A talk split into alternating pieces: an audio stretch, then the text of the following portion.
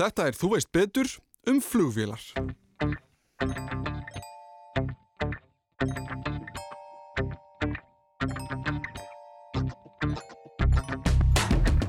og það er þess að manni semst á Suðurlandi sem að bjóti búning kastaði sér fram á kletti og flögu kvít á Fyrstu hernaðatækin voru flugdreika sem voru hugsaði til þess að skera niður aðra flugdreika Flýja áður að þá uh, hefði flugmennir átt að segja á því hver bílun var náðu að grípa inn í nægilega snemma. Uh, í setna skipti það tókst það ekki. Og svo viljum við meina að, að, að sko þriðjabildingin og sleppa öllum skrifum þar á millu að þriðjabildingin er núna mm. og við erum að fara út í uh, rámasflug og við erum að fara út í hybrid flugular Flugvilar eru öruglega eitthvað sem að við höfum öll, eða flest stíð fæti inn í einhver tíman á lífsleðinni en þetta fyrirbæri sem við sjáum út um allt og höfum vita af í langan tíma er kannski frekar flókið fyrir mörgum. Það er ekki margi sem skilja hvernig flugvél flýgur sérstaklega þegar hún er orðin jafn stór og risaþótunar sem við sjáum.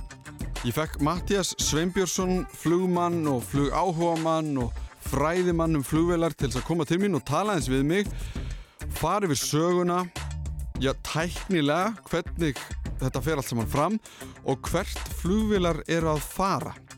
En fyrst, smá kynning frá manninum sjálfum.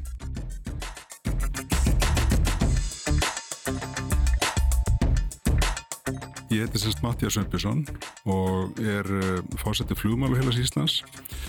Búin að vera að fljúa í já, fleiri, fleiri ára, einhver ára tíu líklega. Kláraði flugprófið sérst 1992. Fyrst sem enga flugmaður bara og var að leika mér á litliröldunum og síðan svona núna fyrir þremur ára síðan og þá fór ég semst að fljúa hjá Æslandir. Já, bæði er svona búin að vera mikið í tengslu við flug almennt. Ég, ég er mettað verkvæðingur og starfaðurunni í sko rannsóknum með tengtum flug, flugi á ákveðinu tíðanbili og vann síðan hjá Æslandir á skrifstofunni í 11 ár. Þannig að ég er svona bæði semst svona skrifstofu fræða og já, haldum stýri líka.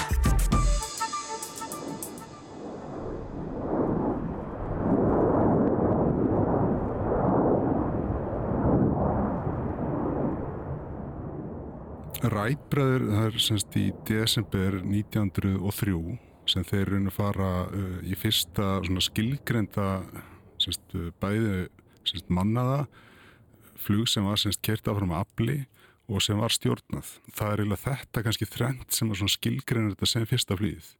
En semst fram að þessum tíma þá voru menn búin að vera að koma sér í lofti alveg sko fleiri aldir á undan og reyni sko byrja menn á því að setja menn bara upp í flugdrega það er svona fyrstu heimildur um það að menn hafi farið bara fimm öldum fyrir krist mm -hmm. og þá hafi kynverið að setja flugdrega á lott og það var svona allur gangur að hvernig með notuðu dregan það gæti alveg verið frá því að senda bara neyðasendi, þú veist að mann eru staðsettir einhverstaðar að setja flugdregan á loft og þá mm. vitaði hvert er ég að fara.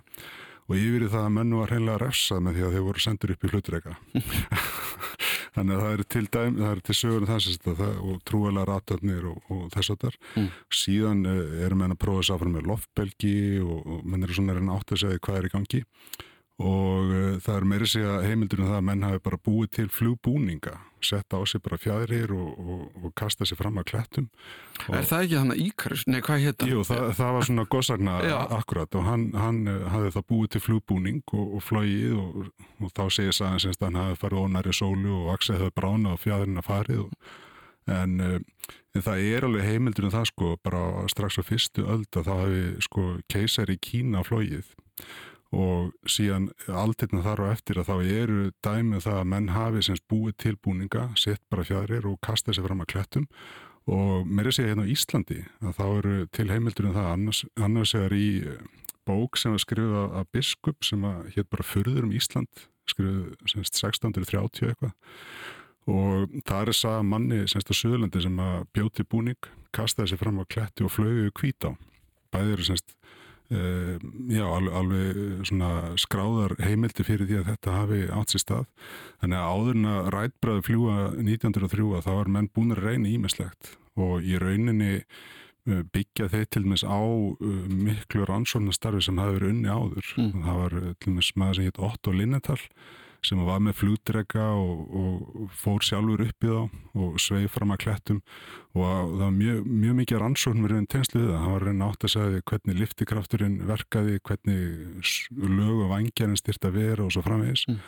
og einhvern veginn allt þetta svona uh, rennur inn í þennan punkt þegar þeir komast fyrst á loft þarna 1903 Mm. Þeir voru ekkert að klastra eitthvað saman í bílskotnum og, og, og fyrir einhverja slistni komast á loft. Heldur voru þeir búin að, stútira það sem hefur verið gert áður hvaða lögun og væng hentaði best hvernig var auðvöldast að stýra vængnum uh, hvaða móturar uh, virkuðu og svo framvegis. Og þeir voru í grunni sem sagt uh, reyðhjólasmiðir höfðu svona vélþekkingu þaðan og uh, voru meira sem með vindgöng, voru að prófa mismöndi form, byggu til alltaf þrjú, ég held að sé 200 uh, sem sagt, loft fyrir áður en þeir rauninu komist að, á þetta stig að geta flóið Mm. og það var mikið kaplu í gangi, það voru margir aðalega sem voru að prófa ímislegt út um, út um allan heim í bandaríkjónum, í Evrópu og, og uh, en síðan eftir þetta þegar, þegar menn eru svona búin að átta sig að það er eitthvað ákveðið form á, á vél sem að virkar og, og þetta er hægt að þá fyrir að stað bara að skriða. Að það er uh, ótrúlega hröð þróun uh, sem að á sér stað á þessu tímabili og mikið af vélum, mikið af framlegendum ræðbreðu verður kannski svona skildir hans eftir í, í, í reikinu, það eru fleiri sem að uh, ná að nýta sér hugmyndina og, og, og, og taka hann áfram og byrja að framlega flugvilar og svo kemur náttúrulega stríð þarna í kjölfarið. Og, og það er í gegnum söguna þá hafa náttúrulega átök uh, uh, spila mjög stóra rullu í framþróin í flugi. Mm. og það er til dæmis bara að maður enn- eh, aftur til flugdregana að þá voru fyrstu hernaðatækin voru flugdrega sem voru hugsaði til þess að skera niður aðra flugdrega þannig að þetta byrjaði strax þar sko. Já, og, og kapplöpi kapplöpi á sér staði tenslu við setni heimstyrilduna mikið nýra hönnun og, og, og framþróun og, og í kjölfar setni heimstyrilduna þá fara að nota eh, semst fluglar í postflutningum farþegarflutningum einhver leiti og síðan uh, næsta svona stökkið er aftur síðan setniðiströldin Mm. þá, þá fara menn að hanna fleiri flugvilar uh, og reyfa svolítið ótrúlega rætt og ótrúlega mikið sem gerist þar mikið af þeirri hönnu sem við erum að byggja bara að flýða á í dag verður til á þessu tíðanbili mm. uh, þvóturhefillin hann til með verður til þarna þó hann hafi ekki nýst í rauninni stríðinu Mm.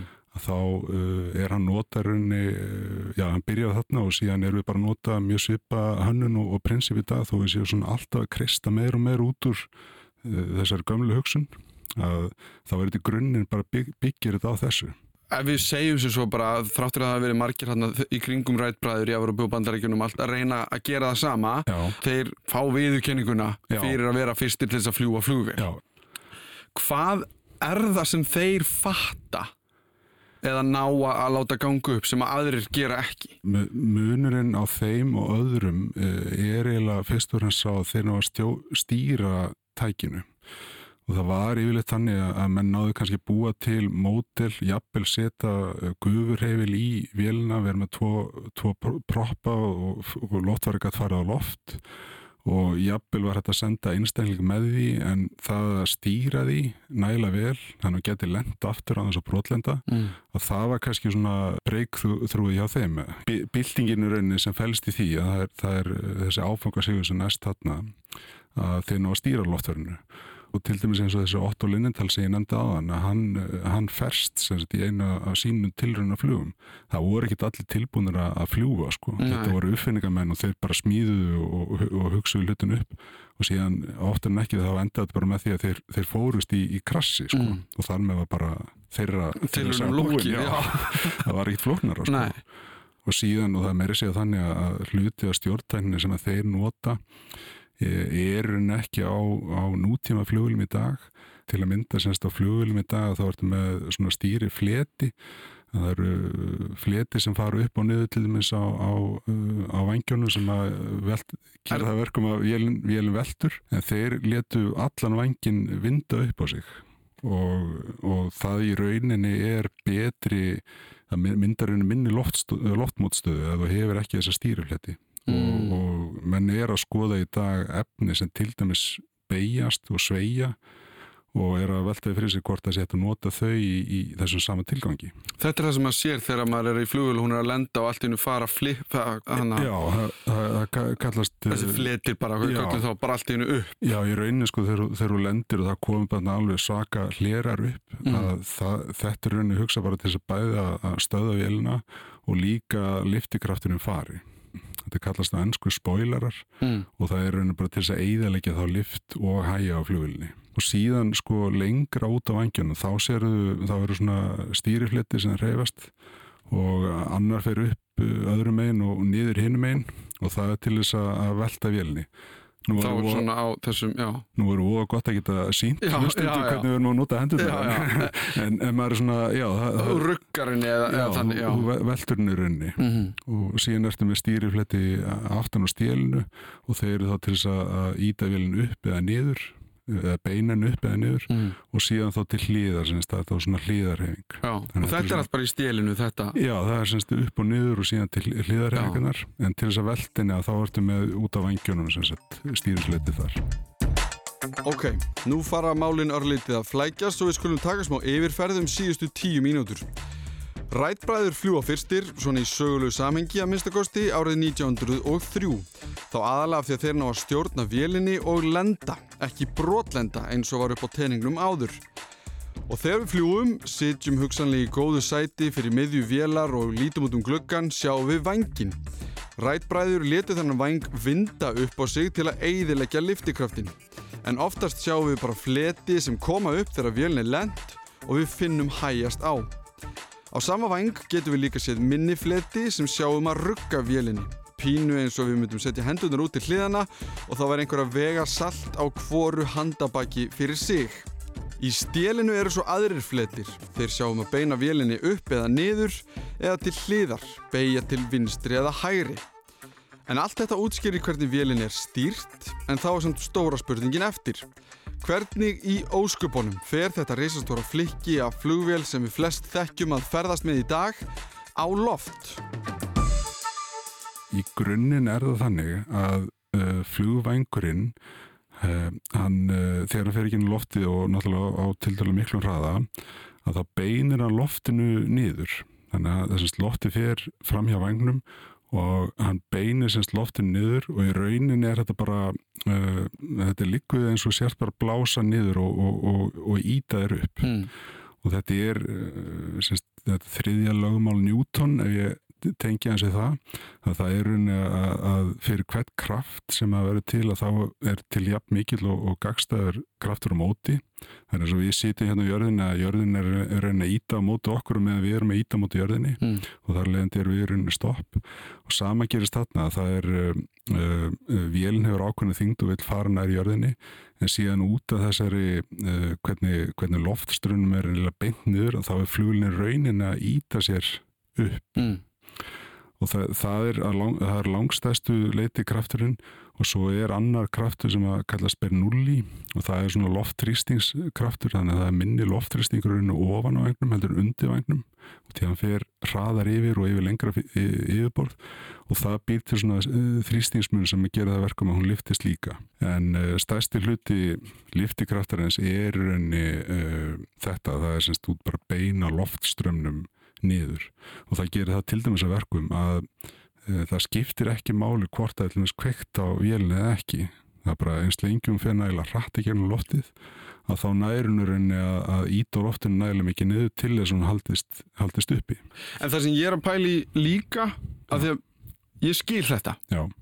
svona nokkur neginn um, þá, þá hlýtur að vera þá búið að reikna út að þegar, þegar maður býður á flugvelli nei á, á flugbrautinni maður er komin inn í vél og síðan er hún eins og sportbíl sem er að fara að spóla eða eitthvað, þú veist, maður heyrir að það er í handbremsu, ég er að áriða þetta eins og ég upplifið þetta. og það er bara keirt á stað. Eða, þú veist, það er bara hreipladnir eru keirið á stað. Og maður finnur að hún er að það eru kraftar í gangi það eru kraftar í gangi, hún er að reyna að fara áfram en það er aðeins að halda og síðan fyrir hún á stað, hún sapna krafti. Já. það er semst búið að reikna þá bara út fyrir vélanar Já. á þessum hraða Já, getur hún farið á loft já, þe þetta er gert í rauninu fyrir hvert einasta hluttak og Mhm. þá er uh, sérst þingdin og vélinni það er ákveðnar takmarkanir á því hvað má bara vera þung, bara hámast þungi hún er ekki hönnu fyrir eitthvað ákveðið Mm. mm. nema eitthvað ákveðið og síðan er raunni uh, miðað við þingdina hversu margir farþegar og farangur og svo framins er í vélinni að þá uh, er reiknar raunni á hvað hraða vélinn uh, fer á loft og þetta getur verið breytilegt það er sem sagt það er bara ákveðin hraði í gegnum loftið sem þú þarfst að fara á til þess að þú getur komast á loft. Þannig til dæmis ef vélin er létt að þá þarftu minni hraða til þess að fara á loft. En ef hún er þingrið þá þarftu meiri hraða. Og þú þarft alltaf tíma til þess að byggja upp hennan flughraða. Uh, og því að mótorinu getur bara búið til ákveðið afl og það tekur ákveðin tíma til þess að komast upp á þennan hraða og þar leiðindurinn er ferð á loft og mismunandi vegalind. Mm. Það tekur bara lengri tíma að komast upp á einhvern ákveðin flutarsraða. En það er einmitt þannig að, að, að þessi hraði er bara nákvæmlega reiknaður uh, uh, í hvert sinn í hvert einasta skipti. en hvernig vitið hvað vélin er þung í hvert sinn Það er, það er haldið mjög vel utan um það. Það er sem sagt, uh, annars er vélinn bara að reikna mjög nákvæmlega Já. hversu þungun er. Það er bara hvers skiptir sem skiptum hlut eða tekin einhver hlutur úr vélinni annars eftir í að það var haldið utan um það er henni, Mm. hvort að vélinn hafi þingst eða lést eða hvað og síðan uh, er allur farangur um borð hann er viktaður þannig við vitum bara uh, eins og þú þekkir þegar þú ert að tjekka inn að það er ganska Mm. viktuð og það er, það er fyrst og fremst til þess að við áttum okkur að því hversu þung vélinn er. Það snýst ekki endilega um sko rukkun eða eitthvað þess að það sko. Og það, það eru farangurinn viktar og síðan er, eru farþegarnir það er svona það notast yfir einu svona meðalmannesku ert með minni vélar að þá skiptir meira máli að láta jafnvel fólk bara stíga vikt Mm. eða spyrja hvað ertu þungur en þegar vélun er svona stór að þá er þetta notast í meðaltöl bæði semst á, á farþegum og uh, þyngd á farangri, handfarangri og þetta er bara reiknað í, í tonnum og þetta er semst notað það fyrir, fyrir flutækið og þannig er bara nákvæm vísindur henni á baku þetta og flugbrónir og, Mm. og alls konar hlutir og þegar að hérna, þegar að fólk læri til flug, að vera flug, flugmaður Já, uh, einu sinni sko, ég heyrði einhvern tíðan eitthvað eitthva kvót já, sem var að flugvela nú til dags eða svona í framtíðinni væri kannski með einn flugmann og Já. einn hund. Ok. Flugmann til þess að hérna, taka á loft Já, eða eitthvað já, og hundin til að býta flugmannin ef hann reynda að íta okkur takka já, er hvernig, hérna, hv- hvernig er staðan á þessu núna? Já, sko þe- þetta er nefnilega uh, starfið hefur breyst rosalega mikið í rauninni frá því að menn voru að fljúa þarna fyrst að þá snýrist það meir um það að menn getur bara haldið sér lofti svo þurfast í það að menn, menn læra á mótora og þurfa náttúrulega rýni veður og fleira og, og í rauninni vera góðir að, að halda um stýrin Mm. um, í gamla þetta voru menn til þess að fljúa sko frá bandaríkjum til Íslands kannski 6 klukkutíma frá New York og það er rauninni, það lágið og væri líkvið að halda í stýrin alla leiðina sko Mm. þannig að menn voru náttúrulega bara uppgjarnið þegar þeir lendu Mm -hmm. en uh, þróunin á setna árum hefur verið að menn eru með sjálfstýringu og, og það eru svona alls konar hluti sem að hjálpa um, það er ekki mörg, já það er einhver áratíði síðan að það voru þrýr menn til dæmis alltaf í, í vélni, það voru semst, flugstjóri og flugmaður og síðan vélstjóri. Og vélstjórin hefði bara það verkefni að, að fylgjast með mótorunum og, og gera alls konar hluti. Í dag er henni tölvukerfin að þau sjáum þetta. Þannig að rauninni ef það er eitthvað, eitthvað sem bílar eða eitthvað sem er óðilegt að þá bara poppar upp á skjá það er þetta sem er bílar, nú þurfum við að skoða þetta betur. Mm -hmm. og mótorinn er orð- orðni miklu sjálfurskjöru heldur en voru þannig að þar strax er rauninni búið að fækkum einn í flugstjórnar um, og starfið um, er að mjög stóru leiti semst, að í rauninni að átta sig að því hvar er best að fljúa uh, hvernig eru viðrastæðar og hvernig staður er sig og stýra í rauninni sjálfstýringunni og það kannski ljómaður kannski sérkynlega en það, en það er uh, að- stýra sjálfstýringu er alveg verkefn út af sig og síðan er, er samt alveg þannig að menn er að, menn er að handfljúa og það eru, það eru á, á, á stöðum þar sem að sjálfstýringin er ekki nægilega góð, menn lenda oftast vélni, hún getur samt gert það sjálf Mm. uh, menn taka alltaf á loft, sjálfstýringi gerir það ekki Út af hverju ekki? Ætli að sé ekki bara vegna þess að, að uh, það, er svo, sko, það er svo krítist í rauninni að uh, þú ert að horfa út, það getur verið að bíl myndi kefur út á brautina, Mm. það er eitthvað sem getur gerst og þá til og með þess að hætta við flugtækið að þá uh, sjálfstýringi þyrturinn að horfa fyrir það, hún þyrft að sjá þú veist að það er eitthvað fyrir og ég get ekki haldið áfram mm. en uh, mannsöndin er bara semst, á stýrunum er að stýra uh, vélina á brautinu og haldist á brautinu Um, ég held að það sé svona tæknilega að sé sé ekkit sem að myndi útlöka það Mm. að, að vélum myndi gera þetta sjálf en það sem er samt uh, hefur henni, menn hafa svona átt að segja sko, sjálfstýringa búin að vera mjög lengi til þessu flugulum og, og svona tæknilega séð væri ekkit uh, útlöka að vél myndi taka loft og lenda á þess að einhver sæti fram í. En það sem þetta snýst um er að, að sko maðurinn er alltaf miklu betri að meta hluti út frá svona takmarkuðum gögnum þannig að uh, það er kannski þú, það er eitthvað sem fyrir tilfinninguna það er eitthvað sem finnst óeðlegt eða það er eitthvað hljóð eða það er eitthvað sem að uh, tölvan getur ekki skilið Mm. og til að mynda að þau uh, slís núna sem að hafa svona farið já svona um, já frægslís til dæmis eins og þegar vélum fór hann í Hudson ána Mm. og fleiri tilvik að þá er það rauninni uh, þau skiptið það sem að reynsla flugmannsins er algjörlega líkilatrið í því að gera eitthvað sem að enginn hafði rauninni hugsað fyrir. Þannig að bak við eitthvað svona tölvukerfi þá þarf það að vera búin að hugsa fyrir þú veist, hvað ætla ég að gera þetta gerist og hvað ætla ég að gera þetta gerist. Síðan í í einhverju tilökum þá koma bara baðstæður þar sem að kerfi bílar eða, eða uh, eins og þarna lendi bara í gæsum, það voru gæsir sem í- eða sem flug á gæsahóp og, og það drast á báða mótorum. Mm. Og undir öllum eðlum kringustæðum að þá eða skilur tölvukerfi hefði aldrei ráði við þetta. Þannig að það, það er þarna sem að sko maðurinn og það sem við gerum svo vel og tölvunni geta ekki gert uh, það er þarna sem að maðurinn virka best. Mm. að þetta er svona takmarkaður upplýsingar ná að tengja saman hluti og byggja á fyrir reynslu. Þannig að bestu tölvikerfi og gerfi greintið með þetta það, þau þurfilega mikla sögu á gagnum og, og menn hafa svona líka verið átt að segja núna á setna árum að, að þessi reynsla skiptir alveg opaslega miklu máli og það var eins og í til með þessum tilvíku það sem Max vélarna brotlendu Mm. að flugi til með þessi Indonésiu að flugi áður að þá uh, hefði flugmennir átt að segja á því hver bílun var náðu að grípa inn í nægilega snemma uh, í setna skipti þá tókst það ekki Mm. og þa þarna sést bara að, að flugureynsla og, og þekking og færni skiptir ennþá, ennþá miklu máli. Og þó svo, vantalega við tölum um sjálfstýringu og, og hvert er að þróast og hvort að hundurinn komið eða ekki að það var kannski fyrsta skrefið mögulega að sé einn maður, ég veit það ekki. Uh, en þá vantalega þyrfti alltaf að vera eitthvað uh, sko support utanfrá, Mhm. þannig að hvort einhver er tengdu flugvilni eða eitthvað þess að þar líklega að fara menn í einhvers konar svona æfingar í tenslu við fraktflutninga, ekki endilega með Já. er svona meiri tregða í rauninni að, að sleppa flugmannu þegar það eru farþegar um borð, það er bara tröst sem að fólk hefur kakvart í að hafa einhvern sitandi frammi sem er að stýra. Þannig að þriðja lögmál Newtons skiptir máli. Fyrir hvern kraft sem verður til er jafn mikill og gagstæður kraftur á móti. Og svo er eitthvað í það að það sé komin hundurinn í flugstjórnaklefan, við þurfum enn vittnesku og aðtekli mannsins til að stýra sjálfstýringunni og átta sig á því þegar eitthvað óvænt gerist. En erum við komin á endastöð með flugvélarnar okkar? Eða hvað er næst í þróun flugvéla? Þetta er, uh, þetta er að þróast kannski í nokkrar áttir og uh, það er til og með vél sem er í hannu núna uh, sem heitir Boom sem að, uh, er ætlað að fara yfir hljóðræðan og, uh, og menn eru farin að sjá fyrir sér viðskipt tækja verið tenslu við það bara að bjóða upp á, á, á stuttferðalög melli hérna, staða Mm.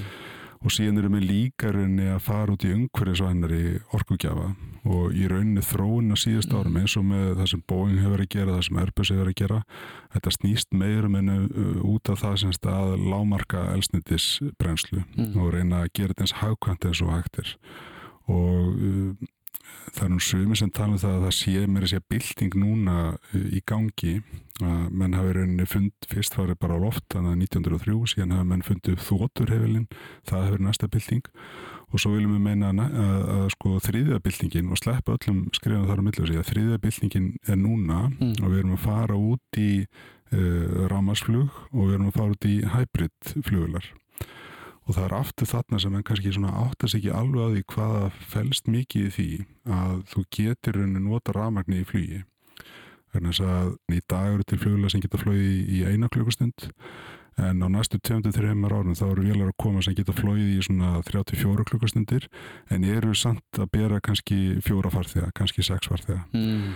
en byltingin í þessu fælst í því að kostnæður við það að ferðast þessa vegalindir fellur úr því að vera einhverju þúsundir, tíu þúsunda niður í kannski einhverju hundrakalla og það þýðir henni að sko ferðalög uh, þessar stuttu vegalendir verða bara miklu uh, áhugaverðar heldur en voraður með stærsti hlutin í tensluði rekstur og flugulum er elstendiskostnar mm. þannig að ef þú losnaði hann uh, viðhaldið miklu læra á svona rámasflugulum eða þú losnaði það líka stóru liti að þá ertu bara allt í nú farin að endur uppgöta flýið sem samkvæmum á þetta mm -hmm og, það er meiri segð þannig að flýið verður umhverju svænasti samgöngum átinn þegar framlega stundir en þess að þú þart ekki vegi.